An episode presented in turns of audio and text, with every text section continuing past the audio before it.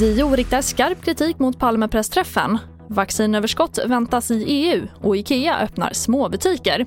Ja, här är TV4-nyheterna som börjar med att justitieombudsmannen riktar kritik mot hur Åklagarmyndigheten presenterade beslutet att lägga ner förundersökningen av mordet på Olof Palme där den så kallade Skandiamannen Stig Engström pekades ut som trolig gärningsman.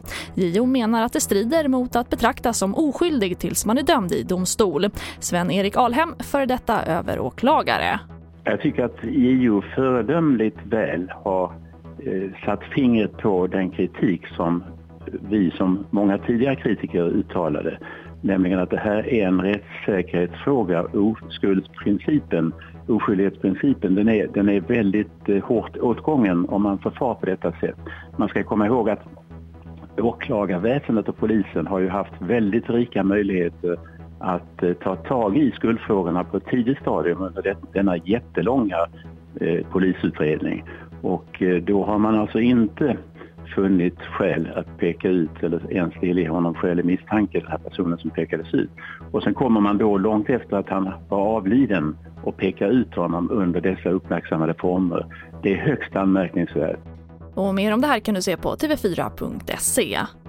Och EU kommer att ha ett vaccinöverskott på 500 700 miljoner doser vid årsskiftet, rapporterar SR. Frågan är om doserna ska doneras till fattiga länder eller säljas till de som kan betala. Sveriges vaccinsamordnare Richard Bergström anser att Sverige bör sälja vaccin för inköpspris till länder som har råd att betala för att spara skattebetalarnas pengar. Och vi avslutar med att Ikea planerar att öppna ett tiotal nya specialbutiker runt om i Sverige innan årets slut, det skriver TT. Det rör sig om mindre konceptbutiker där kunder ska kunna få hjälp med planering av exempelvis kök eller garderobsinredning och att beställa hem varor. Det nya konceptet ska testas i köpcentrum och shoppingkvarter i ett tiotal svenska städer. Och först ut är Norrköping.